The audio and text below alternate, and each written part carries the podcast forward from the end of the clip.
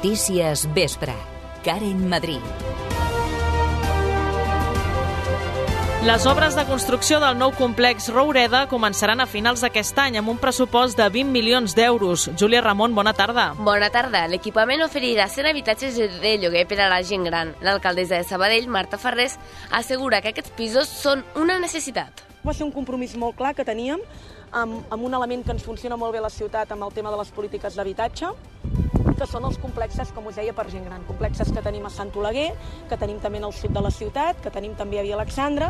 Um, tenim una altíssima demanda de gent gran doncs, que vol entrar en aquests complexes per diferents motius, perquè tenen el pis doncs, que ja no és accessible, perquè gent que s'ha quedat sola doncs, que aquí es veu amb, amb cor doncs, de viure i capaç de continuar tenint autonomia perquè està doncs, socialitzada amb altra gent.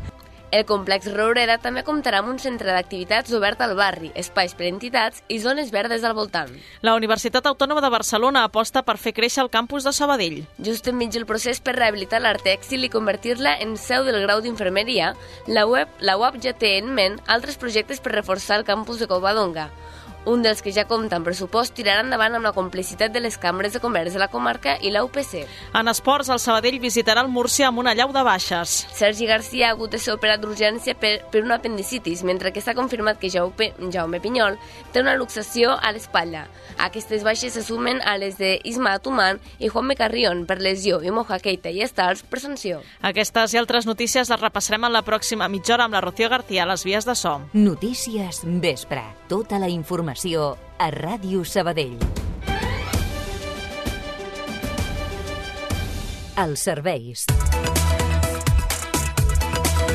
Aquesta hora, situació molt complicada a la xarxa viària més propera a Sabadell. A l'AP7 hi ha un quilòmetre de retencions a Santa Perpètua en sentit nord, 3 quilòmetres a Barberà en sentit sud i 2 quilòmetres i mig a Sant Cugat també en sentit sud. A la C16 hi ha problemes a Terrassa, 2 quilòmetres de congestió en sentit nord. A la C33, 2 quilòmetres i mig de cues a Montcada en sentit Barcelona i a la C58, 5 quilòmetres de cues a Ripollet també en sentit sud. Ja si mirem a la capital catalana, trànsit dens a la ronda litoral entre Barceloneta i el Fòrum en els dos sentits i a la ronda de dalt entre Pedralbes i la Meridiana en sentit diagonal. El temps. Les temperatures es mantenen altes. Tenim 18 graus ara mateix a Sabadell, un grau menys que ahir aquesta hora. Què hem d'esperar de cara a les pròximes hores? Li preguntem a Lluís Mi Pérez. Bona tarda. Bona tarda. Un temps molt variable el que estem tenint en aquests moments. Estan entrant alguns ruixats per l'Aragó que d'aquí a poca estona aniran afectant gran part de les comarques de Ponent i també l'interior de les Terres de l'Ebre, en algun moment amb algun tro, per tant, alguna d'aquestes ruixades vindrà acompanyada de tempesta, però estem parlant de rams i de xàfecs que duren poca estona perquè van empesos pel vent, un vent que encara bufa a moltes comarques i sobretot ho anirà fent a cavall de la Garrotxa, també del Ripollès i Osona, i per altra banda a la Catalunya central. Aquest vent anirà empenyent aquests núvols fins a la costa, per tant els ruixats també acabaran afectant al Camp de Tarragona i fins i tot l'àrea metropolitana de Barcelona, però remarquem, al llarg d'aquesta tarda aquests ruixats seran vistos i no vistos. Pel que fa a la temperatura, molt suau. I a més a més, la tendència del divendres és que torni a fer un bon sol, no esperem ruixats, només núvols prims, i una temperatura molt agradable. De fet, demà tornarem a fregar els 24-25 graus en algunes comarques del prelitoral. També demà amb aquest vent que sobretot al matí bufarà més fort cap a la Catalunya central i a les muntanyes del prelitoral. Ho anirem seguint aquí a la xarxa. El complex Roureda tindrà un centenar d'habitatges de lloguer i un centre d'activitats oberta a la ciutadania. El pressupost d'aquesta primera fase és de 20 milions d'euros i, entre altres, inclou la instal·lació de panells fotovoltaics. Aquesta tarda l'Ajuntament ha presentat la iniciativa. La construcció, però, no començarà fins a finals d'any. De moment s'ha presentat el projecte i, a trets generals, se'n poden diferenciar dues zones. Un equipament municipal obert a la ciutadania i el bloc d'habitatges per a la gent gran. Com seran aquests habitatges? Seran similars a la d'altres complexos com el de Via Alexandra o el de Sant Oleguer. L'alcaldessa Marta Ferrés n'ha ofert més detalls en la presentació d'aquest dijous. Seran 100 habitatges, ara d'entrada, que estaran distribuïts en dos edificis, 50 i 50, units per una passarel·la. Um, habitatges que seran d'una i dues habitacions. En aquest cas seran habitatges un pèl més grans dels que tenim a la resta de complexos, perquè també hem detectat amb tota l'experiència que tenim doncs, que ens, ens feien falta alguns metres més. Els interessats ja es poden començar a inscriure a la bossa d'habitatge públic de Bimusa. I el centre d'activitats? Serà un espai obert a tota la ciutadania, s'hi ubicarà una oficina de serveis socials i es comptarà amb espais per a entitats. Tot l'equipament es farà des d'un punt de vista sostenible i, per començar, el material amb què es construirà és fusta. També tindrà panells fotovolta fotovoltaics, aïllament tèrmic, proteccions solars i sistemes de climatització i producció d'aigua calenta.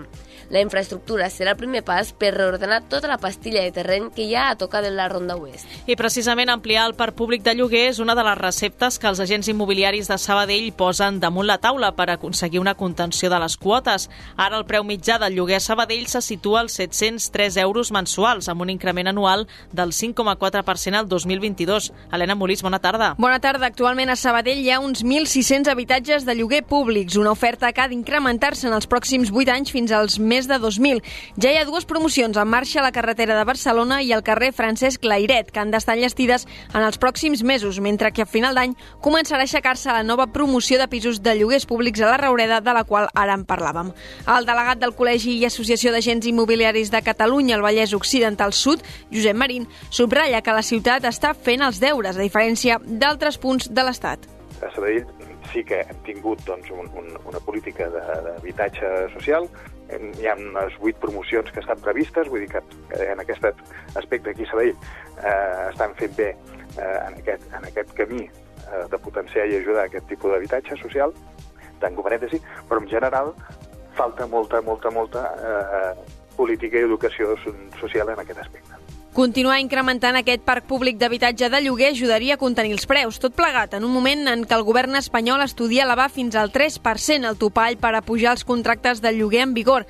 Actualment és del 2%. Marín no ho veu malament sempre que la mesura vagi acompanyada d'incentius per als propietaris. Una limitació de preu estaria correcta, però sempre i quan també doncs, hi haguessin alguns beneficis eh, de cara als propietaris és, és el que diem, no? que tampoc aclaren si existiran alguns tipus d'ajudes o beneficis o algun incentiu perquè eh, puguin motivar doncs, els propietaris a posar més habitatges en lloguer, que a Sabadell doncs, podríem tenir encara molt més habitatge. Segons dades de l'Agència de l'Habitatge, Sabadell va tancar el 2022 amb una trentena de contractes de lloguer signats més en relació a l'any anterior. La Federació d'Associacions de Veïns desconfia de la promesa del conseller de Salut Manel Balcells d'augmentar la plantilla del nou CAP Can Llong amb dos metges, dues infermeres i dos professionals d'admissions. El president de la FAP, Manuel Navas, assegura que després dels compromisos incomplerts per part de la Generalitat a la ciutat, la seva paraula no té cap validesa. No tenemos nada, ¿eh? o sea, únicamente son palabras que, como siempre, las palabras, yo que sé si nosotros lo que hemos pedido es que nos pasen un documento, que nos digan exactamente qué es lo que van a hacer. Porque a mí que, me, que diga la alcaldesa que ha hablado con el consejero y que el consejero ha dicho que va a hacer no sé qué y no sé cuánto, bueno, y si mañana dicen que no, o, como ha pasado con otras cosas que, no sé, por citar un ejemplo más reciente, el tema de, de los institutos, que ese sí que se iba a hacer de forma inminente y, y resulta que son cuatro años más. Així mateix, Navas considera que la dotació proposada és clarament insuficient i només intenta aplacar les demandes veïnals. I no deixem la salut perquè la rehabilitació de l'art tèxtil per convertir-lo en escola d'infermeria només és el primer pas per fer créixer el campus de la Universitat Autònoma de Barcelona a Sabadell. Així ho ha apuntat al Cafè de la Ràdio el rector de la UAB, Javier Lafuente. Jo veig clarament un, un, un campus molt més potent. Eh? Si, si parlem, hi ha, hi ha altres estudis que tenim previstos, hi ha temes de salut i envelliment, hi ha temes d'esport, de, de, de esport, hi ha moltes coses que, que, que creiem que podem portar i que hem de fer i hem de fer de la mà de la ciutat. De quines són les necessitats de la ciutat i de la ciutadania per donar resposta a aquestes necessitats. Alguns projectes en aquesta línia ja estan a punt de materialitzar-se. Com per exemple una iniciativa conjunta amb les cambres de comerç de la comarca. Finalment vas aconseguir finançament per part de la Diputació, he col·locat una persona a treballar, ara estic treballant amb les càmeres de comerç de Sabadell i Terrassa, he, parlat, he treballo amb la unitat, amb la Universitat eh, Politècnica també per fer-lo conjuntament moment i ara jo sí que espero que la pròxima vegada que vingui ja estiguin creades. De totes maneres, eh, estàvem parlant, quan jo deia de, de col·locar-lo en un lloc, i, eh, en quan es va assabentar, molta més gent m'ha dit, i també nosaltres. Jo crec que no és un punt on hi sigui, sinó el fet de que tots coneixem que hi ha un punt que ens podia permetre per interconnectar-nos tant els professors o els investigadors que quan troben alguna cosa no saben qui podria utilitzar-lo com, o a la societat que diu, ei, jo necessito això. A llarg termini, el rector de l'Autònoma vol convertir el campus sabadellenc en un Sabadell arroba, on la formació i l'activitat de les empreses tecnològiques i de la salut treballin de forma conjunta. Des d'aquest dimecres es pot fer la preinscripció a l'Escola de Música i al Conservatori. El període estarà obert fins dilluns 20 de març i enguany hi ha novetats en l'oferta formativa. Sí, hi haurà un nou curs de música moderna en el primer i segon curs, que s'adreçarà a alumnes de 12 anys o menys. El director Joan Morera anima a tothom a apuntar-s'hi. Ho ha fet en una entrevista al matí. A l'Escola de Música ja fa molts anys que hem eh, canviat el programa de manera que qualsevol persona, tingui l'edat que tingui, pugui entrar a estudiar música amb nosaltres. Allò, la idea aquella, és que si se t'ha passat els 7-8 anys, ja se t'ha passat, ja no pots fer música. O és que, mira, és que tinc 14 anys i, i ja no, no, no és així. O sóc un adult, no? O, o m'he jubilat i tinc ganes de fer aquell instrument que no vaig poder fer de petit o que vaig començar i me n'he oblidat. Doncs pues, escolta, eh, hi ha programes, hi ha, hi ha, hi ha sí. portes per entrar, en aquest sentit, Morera ha defensat la necessitat de practicar la música més enllà de les extraescolars. Aquests són els avantatges que hi veu. Hi ha dos parts importants, l'emocional, personal, que és molt important, el desenvolupament emocional, una forma d'expressió, i després la part social. Això és molt important. Una societat que canta o fa música, no que escolta, no, sí. sinó que la practica, no? amb totes les noves tecnologies, tot això està molt bé, tenim música per tot arreu, de qualitat, moltes pantalles, però hem de tocar i hem de crear i hem de practicar. I jo sempre ho dic a les famílies, està molt bé que porteu el vostre fill, però sí. si no canteu vosaltres a casa, això no serveix. Un dels professors de llenguatge i comú modern, Jeroni Pagan, ha coincidit a destacar els beneficis de la música, sobretot en una etapa com l'actual. Una delegació de l'Ajuntament de Sabadell ha viatjat fins als camps de refugiats de persones saragüís de Tinduf, a Argèlia. Una de les representants del consistori que hi va poder anar va ser la tinenta d'alcaldessa Marta Morell. Morell defensa que la realitat que ha pogut copsar és molt i molt dura. Un campament d'aquests de refugiats pensa que hi ha 173.000 persones i d'aquestes 173.000, 125.000 eh, poden viure i subsistir gràcies a l'ajut humanitari internacional. Per tant, jo crec que això és una situació realment bastant uh, preocupant uh -huh. i realment extrema a nivell ja de, de condicions també tan de vida, perquè això li hem de sumar els més de 30 graus que hi ha en aquella, en aquella zona, l'escassetat d'aigua que, que tenen. Morell ha aprofitat aquest altaveu per reclamar que s'incrementin les ajudes que es destinen a aquesta població. S'hauria d'augmentar aquest ajut humanitari, i jo crec que més enllà del que ja fem els municipis en el nostre dia a dia, també crec que seria important que hi haguessin més municipis catalans que formessin part d'aquesta coordinadora catalana d'ajuntaments solidaris amb el poble saharaui, perquè al cap i a la fi el que podem fer des de l'Ajuntament són projectes concrets eh, en el territori per intentar millorar la vida, les condicions de vida d'aquestes persones. Des de Sabadell es duen a termes diferents projectes en persones del Sàhara, com per exemple l'agermanament de la ciutat amb l'Argup. La Junta de Portaveus ha aprovat una moció per demanar la fi de la repressió i de la impunitat de les persones repressores a Nicaragua. El redactat d'aquesta moció inclou una demanda perquè el govern faci marxa enrere en els canvis legislatius. En una entrevista al programa El Cafè, Joan Albert Vicenç, de la Universitat Autònoma de Barcelona, ha explicat quin és el conflicte que es viu actualment a Nicaragua. Nicaragua és un país que fa, des de l'any 1978 havia concitat moltes esperances per part de molta gent del món que veia a Nicaragua doncs, una revolució democràtica d'esquerres, socialista, orientada als interessos de la majoria i que després de bastants anys, amb els mateixos protagonistes, el front sandinista, ha derivat després d'uns quants governs que no eren sandinistes, ha derivat en una dictadura Albert ha afirmat que a hores d'ara no es pot fer cap acció directa al país, ja que fa poc el govern ha expulsat a totes les ONGs. Tota l'actualitat de la ciutat i comarca també a les xarxes socials. La Fundació 1859 Caixa Sabadell s'estrenya el cinturó. Amb l'objectiu d'assolir la igualtat en les seves despeses i ingressos, pren mesures. La més impactant, la supressió de la Festa de la Primavera per aquest 2023. N'ha parlat avui el director de l'entitat, Joan Carles Sunyer. El patronat doncs, va decidir ja a finals de l'any passat doncs, una reestructuració eh, per adaptar-nos als ingressos que actualment genera la Fundació. Això ha suposat doncs, bueno, una reestructuració estructural i de programació aquest any 2023 que tindrà també continuïtat com a mínim també el 2024, el 2024 i possiblement el 25. Per augmentar el capítol d'ingressos s'està promocionant el lloguer dels 14 espais singulars de l'entitat. A més, el president Josep Maria Manyosa creu que cal trobar rellogat pel local del carrer Gràcia. L'actual situació econòmica de la Fundació no és l'òptima. Portem tres anys sense uns ingressos del lloguer del, de l'edifici del carrer de Gràcia, que eren molt necessaris per poder portar l'activitat. Així doncs, el futur de la Fundació passa obligatòriament per llogar aquest immoble. En aquest sentit, estem treballant per trobar un llogater el més aviat possible, però sent conscients de que l'equipament s'haurà d'adequar qualsevol dels usos possibles que tingui, ens hem avançat projectant millores en les instal·lacions i en l'accessibilitat, supressió de barreres arquitectòniques, instal·lar un nou ascensor també caldrà augmentar la col·laboració público-privada. Una bona mostra són els espais que utilitzarà l'Ajuntament en la pròxima edició de la Fira Sakura Matsuri. Des de les 7 de la tarda s'està presentant al Casal Pere IV l'últim Premi Literari Sant Jordi, Les nostres mares, de la sabadellenca Gemma Ruiz. Editat per Proa, el llibre es dona a conèixer, com dèiem, a les 7, amb la companyia de la periodista, també sabadellenca, Laura Rossell. És la història de 10 protagonistes dones, nascudes durant la dictadura quan no els deixaven desplegar el seu talent. La seva autora, Gemma Ruiz, diu al programa al matí que algunes de les seves lectores en compren més d'un exemplar. Se'l comencen a llegir i pensen, aquest llibre se l'ha de llegir tal amiga meva, li regalo. Se'n compren un altre. Hòstia, és que també se l'ha de llegir l'altre. Mm, li regalen, se'n compren un altre. Bueno, a veure, aquest si em dura per mi. Clar, això, que unes a les altres uh -huh. es reconeguin i se'l regalin entre elles, vull dir, és que a mi el cor m'explota. El llibre honora la generació que va renunciar als seus somnis perquè les seves filles sí que poguessin triar.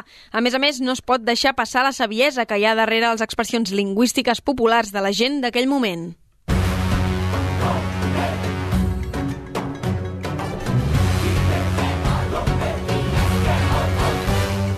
Aladí tornarà a la faràndula aquest cap de setmana. Després d'exaurir pràcticament totes les entrades a la temporada passada, ara l'entitat aposta per recuperar l'obra de Joan Torrella i fer sis sessions més. La primera serà aquest dissabte i l'última diumenge que ve, 19 de març. Hi haurà prop de 80 actors damunt l'escenari, però el director d'Aladí, Joan Torrella, destaca que d'un any a l'altre hi ha hagut una evolució important. L'obra ha fet com un sufler, o sigui, encara eh, ha crescut, no? i tots els personatges s'han estirat a si mateixos, ja sense treball de direcció, senzillament només perquè ells han notat que estaven com més a to, més a punt, més elèctrics, mm -hmm. més eclèctics. Sí, ha sigut un, una sorpresa per tots. Vam obrir l'altarro de les essències, sí.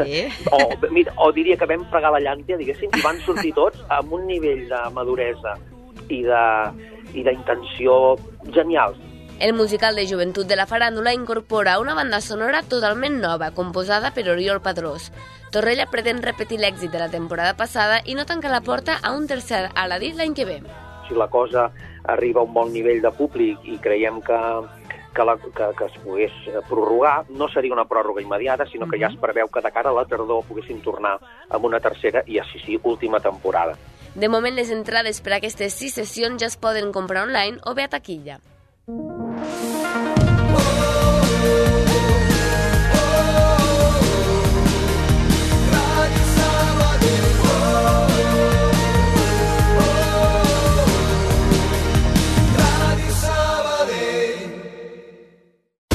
Busquem el sabadellenc de l'any. Ens ajudes a trobar-lo? Laura Andrés, Maria Antònia Cavistany, Caral Castellet, Antonio Martos o Tomàs Pladevall. Entra a la pàgina web de Ràdio Sabadell i vota la persona més destacada de la ciutat d'aquest últim any, fins al 14 de març a les 12 de la nit. Segona edició del Premi Sabadellenc de l'any. Organitza i Sabadell amb la col·laboració de Ràdio Sabadell. Ens ajudes a trobar-lo? Ràdio Sabadell. Notícies vespre. Fora de Sabadell i la comarca. Rescatats els cossos dels tres geòlegs sepultats per un despreniment a Súria. La comitiva judicial, encapçalada pel magistrat del jutjat d'instrucció número 6 de Manresa, s'ocupa ara de l'acte d'aixecament dels cadàvers de les víctimes. Tots ells tenien al voltant de 30 anys i un d'ells estava contractat en pràctiques. Els tres treballadors han quedat atrapats aquest matí a 900 metres de profunditat després d'un despreniment en una galeria. Problemes en la circulació de Rodalies aquest dijous a la tarda. Un tren de la línia R1 ha patit el despreniment d'un bugui, una peça cursa formada per dos eixos d'un vagó a l'entrada del túnel de la Sagrera, a la boca de Mataró. Els fets s'han produït cap a dos quarts de cinc de la tarda, quan s'ha produït la sortida del primer bugui d'un tren que circulava entre Mataró i l'Hospitalet. L'incident afecta la circulació dels trens de la línia R1, R3, R4 i RG1, que tenen retards que poden arribar als 45 minuts. Nova ofensiva russa contra diverses regions d'Ucraïna. Uns atacs que haurien deixat almenys una desena de morts en diferents ciutats. El president Zelensky ha admès que ha estat una nit dura en què s'han comptabilitzat fins a una vuitantena de bombardejos russos. També ha confirmat que els atacs han afectat infraestructures vitals, així com alguns edificis residencials. En paral·lel, les tropes russes continuen avançant i sembla que estarien molt a prop de poder controlar la ciutat de Bajmut, epicentre dels enfrontaments en, el, en les darreres setmanes i que s'ha convertit en un nou símbol de la resistència ucraïnesa. I un últim apunt, un home de 92 anys ha mort aquesta matinada en l'incendi d'un habitatge al Vendrell. El foc s'ha iniciat després d'una explosió a la primera planta de l'edifici on vivia. Els bombers han localitzat la víctima mortal al menjador de l'immoble. L'edifici ha hagut de ser desallotjat per complet i els inquilins dels pisos de la segona i la tercera planta han hagut de ser reubicats. Esports.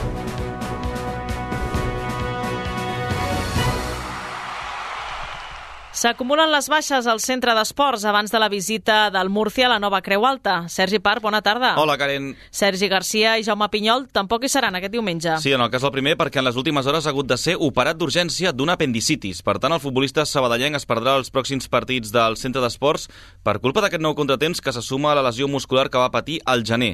Pel que fa a Pinyol, el club ha confirmat, com va avançar a Ràdio Sabadell, que pateix una luxació a l'espatlla. Recordem que, a més, Isma Tuman i Juan Micarrión estan descartats per problemes físics i Moja Keita i David Astals estan sancionats per cicle de grogues. Malgrat tot, l'atacant Cristian Herrera considera que hi ha prou fons d'armari. Són coses no, de, del futbol que passen al llarg de la temporada, ja sigui eh, sancions, lesions... Bueno, crec que tenim una plantilla llarga, que hi ha gent eh, amb moltes ganes de portar, amb, amb molta gana, no? I, i els esperem, no? Esperem que, que ens donin també aquesta, doncs, eh, aquestes ganes que tenen de, de portar l'equip perquè ens fa falta. I a tot això, l'àrbitre del Sabadell-Múrcia de diumenge serà l'aragonès Alonso de Ena Wolf, l'últim que va concedir un penal a favor als arlequinats en l'empat a 3 d'aquesta temporada al camp del Numancia. Més futbol, en categories formatives no hi ha jornada a la divisió d'honor juvenil, però sí a la Lliga Nacional. El mercantil, que després de la derrota contra el Sabadell B ha caigut de les places d'ascens, afronta diumenge un altre derbi. Visita el Joan Murtró a dos quarts de cinc, un Javac Terrassa que lluita per eludir el descens. En parla el tècnic dels Blaugrana, Marxa Laverder s'estan jugant la salvació perquè baixaran tres de divisió d'honor catalans, per tant baixaran cinc no, de, de nacional a preferent i són l'equip que marca no, el, el descens, per tant entenc que no, que no ens regalaran res, que sortirà per totes i nosaltres, com comento, hem de ser capaços de, una, recuperar gent a nivell físic, que ara doncs, aquesta gent que està sancionada no tampoc ho estarà, i, i ser capaços d'aixecar-los eh, a nivell mental per, per tornar a preparar el partit i ser capaços de, de sumar els tres punts, que sempre és l'objectiu, sigui quin sigui el rival i sigui quina sigui la jornada. I després de rebre un correctiu a Olímpia, la setmana passada caient 4-0 contra el juvenil B del Sabadell, els graciencs esperen ara un cop de mà dels seus veïns. El centre d'esports visita el Gavà, l'equip que ha tret de l'ascens al mercantil. Conrad Garcia és el tècnic del Sabadell. Anem a Gavà i després ve, ve Cornellà, que són dos partits que la primera volta vam perdre igual que, que el del mercantil. Al final hem de jugar contra tots i, jugant contra els de dalt, com estem demostrant, també competim i el nostre objectiu és que al final la gent ens vegi com això, com un equip dels de dalt i que també en comptes de nosaltres mirar com van ells, que ells mirin com anem nosaltres, no? Aquesta és una mica la, la idea nostra. Dissabte a dos quarts de sis sonarà el xiulet inicial a Gavà.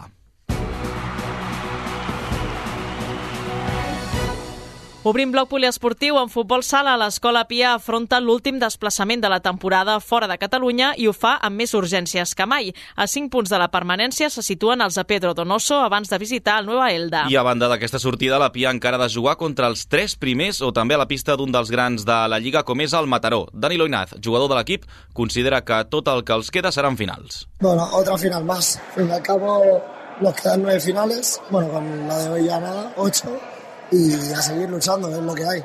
Ahora el partido de allí, pues tal como dices, un partido clave y un rival muy duro. A ver. El Nueva Elda, per cert, tampoc passa pel seu millor moment. En tota la primera volta els aldencs només havien perdut en tres ocasions i en el que duem de la segona han perdut els mateixos partits. Dissabte a dos quarts de sis començarà l'enfrontament. L'altre equip sabadellenc de segona B, el club, no juga aquest cap de setmana per la retirada de l'Irefranc Elche i automàticament suma els tres punts. Sí que juga el primer equip masculí del club de tenis taula i ho fa amb la classificació per al play-off d'ascens a Divisió d'Honor ja assegurada. Els nedadors busquen ara certificar el lideratge del seu grup de Primera Nacional, començant per l'enfrontament enfrontament a casa contra el Boadilla. I l'equip sabadellenc es va assegurar el play-off després de vèncer el Vic a la darrera jornada. Sergi Bocanegra, qui va pujar amb l'equip contra els usonencs, analitza el rival d'aquesta setmana. Penso que tots els partits es poden complicar d'alguna manera. Vull dir, tot i que a l'anada hem guanyat doncs, d'una doncs, manera relativament fàcil, no significa que ara a la tornada tornem a guanyar fàcil. Tot i això, aquest cap de setmana, en teoria, hauria de jugar l'equip titular i, per tant, l'enfrontament hauria de resultar favorable per nosaltres. Però tot i això sempre s'ha de tenir cura i cap partit es podria dir que és fàcil des del començament. El duel davant dels madrilenys serà dissabte a dos quarts de cinc a Callón. Quan falten cinc jornades, pel, els palistes del Natació Sabadell són primers amb 30 punts, seguits del Centro Natación Helios amb 28 amb un partit més que el club i de la Luche una mica més allunyat amb 24. En handbol, els dos sèniors de l'Oar Gràcia afronten partits que a priori haurien de ser assequibles per obtenir una nova victòria. El masculí visita un equip de la zona mitjana-baixa de la Primera Nacional, el Sant Esteve Sarrovires, amb un ull posat a la resta de la jornada. Els rivals directes a la lluita per les fases tenen sortides molt més complicades complicades, però l'extrem Lluís Marrugat demana no refiar-se i fer la feina a Sant Esteve Sarrovires. Fa molts anys que està a la categoria i que ells ara mateix no tenen cap pressió de res, segur que aniran a, a guanyar el partit i, i anar quasi a qualsevol camp és, és, és complicat, vull dir que, que no estem confiats de, amb, amb cap rival.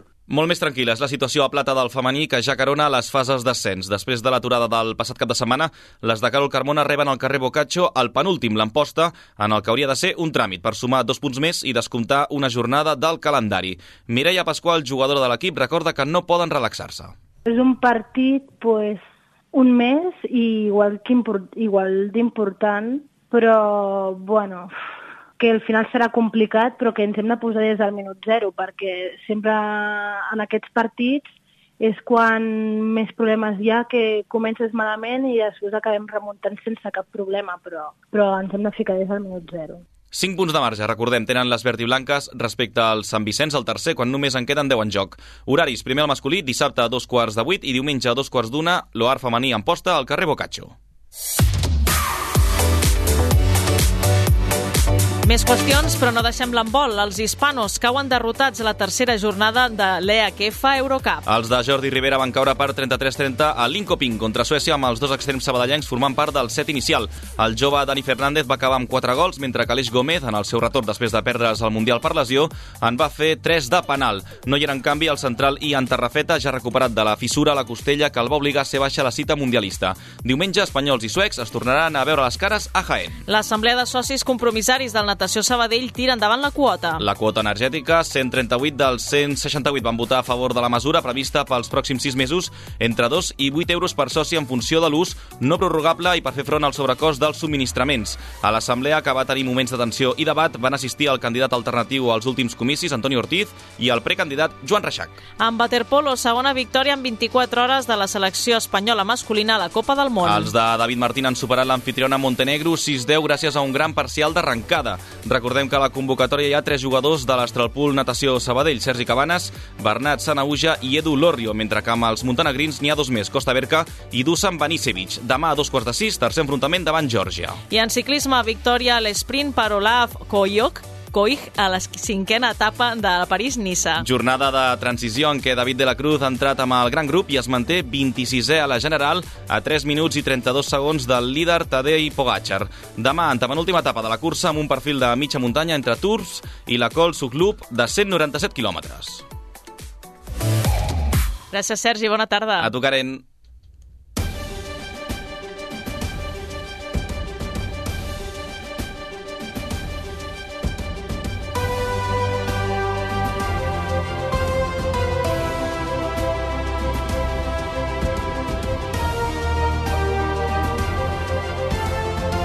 Un minut per dos quarts de vuit és moment de posar punt final al Notícies Vespre d'aquest dijous 9 de març. Recordant-vos que tot el que us hem explicat aquesta mitja hora ho podeu trobar ampliat al portal web d'aquesta casa radiosabadell.fm.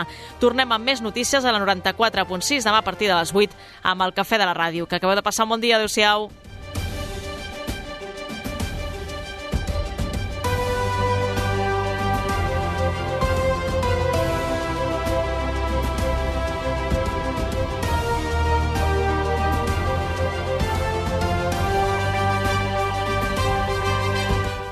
Allà on siguis, escolta'ns online.